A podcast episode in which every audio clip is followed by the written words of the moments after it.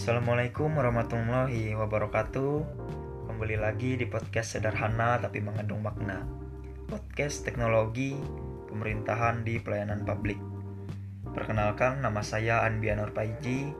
Pada pertemuan kali ini izinkan saya untuk membahas salah satu contoh aplikasi teknologi pemerintahan di pelayanan publik khususnya daerah Kalimantan Tengah. Aplikasi Pariwisata Kalimantan Tengah Perkembangan teknologi informasi dan komunikasi juga memberi dampak terhadap dunia pariwisata Indonesia. Berbagai inisiatif yang berbasis teknologi misalnya pengembangan platform dan aplikasi terkait dibuat baik oleh anak bangsa maupun pegiat teknologi luar negeri yang membuat pariwisata dan aktivitas traveling menjadi lebih mudah dan menyenangkan. Nah, Berikut ini adalah salah satu platform dan aplikasi berbasis teknologi yang bisa teman-teman gunakan dan manfaatkan ketika sedang berada di daerah Provinsi Kalimantan Tengah. Aplikasi Pariwisata Kalimantan Tengah Daerah Kalimantan Tengah memiliki banyak ciri khas baik dari segi objek wisata, budaya, kerajinan, dan kuliner Daerah Kalimantan Tengah ini menarik dan sering dikunjungi oleh wisatawan dari berbagai kota maupun mancanegara. Maka dari itu, Dinas Pariwisata Kalimantan Tengah datang dengan suatu terobosan aplikasi. Aplikasi mengenai informasi wisata yang ada di daerah Kalimantan Tengah yang berbasis Android. Pengguna aplikasi ini diharapkan dapat dengan mudah untuk mencari informasi wisata yang ada di daerah Kalimantan Tengah.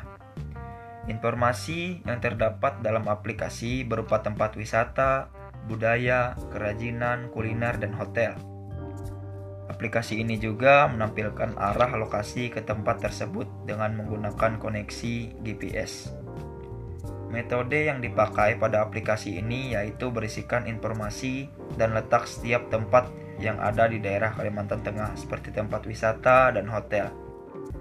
Setiap menu yang dipilih terdapat informasi dan petunjuk arah untuk mencapai tempat yang diinginkan.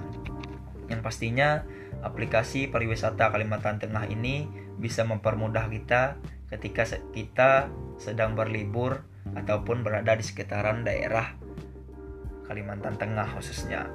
Nah, setiap teknologi pasti ada kekurangan dan kelebihannya. Begitu juga dengan pendapat. Setiap pendapat pasti mempunyai tempat dan setiap tempat pasti mempunyai pendapat. Berikut adalah kelebihan dan kekurangan dari aplikasi pariwisata Kalimantan Tengah. Kelebihan dari aplikasi pariwisata Kalimantan Tengah adalah yang pertama, aplikasi Android mudah diakses kapan saja dan di mana saja sehingga bisa lebih menghemat waktu dan aplikasi ini juga meminimkan biaya pengeluaran dalam tahap promosi. Dan untuk kekurangannya, kekurangan dari aplikasi pariwisata Kalimantan Tengah ini yang pertama jelas memerlukan kuota internet yang cukup banyak. Yang kedua, pembaharuan dari aplikasi sendiri masih dibi masih dibilang cukup lambat mengenai tempat wisata yang baru di daerah Kalimantan Tengah. Yang ketiga, aplikasi ini hanya digunakan pada smartphone berbasis berbasis Android dan berukuran layar kurang dari 4 inch.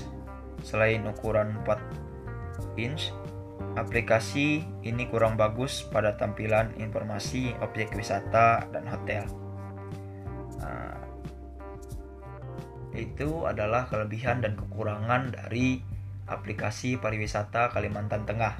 Semoga kelebihan dan kekurangannya bisa dimanfaatkan dan bisa lebih ditingkatkan lagi untuk aplikasi pariwisata Kalimantan Tengah ini karena aplikasi ini sebenarnya sangat membantu untuk kawan-kawan dan untuk kita khususnya ketika kita sedang berada di daerah Kalimantan Tengah agar kita agar kita bisa lebih mudah untuk menemukan hotel, tempat kuliner, tempat wisata, dan bisa lebih menghemat waktu dalam memilih tujuan kita ketika sedang berlibur di daerah Kalimantan Tengah. Itulah tadi uh, aplikasi pariwisata Kalimantan Tengah. Semoga bermanfaat dan kita bisa menebar manfaat pada orang-orang sekitar kita. Terima kasih.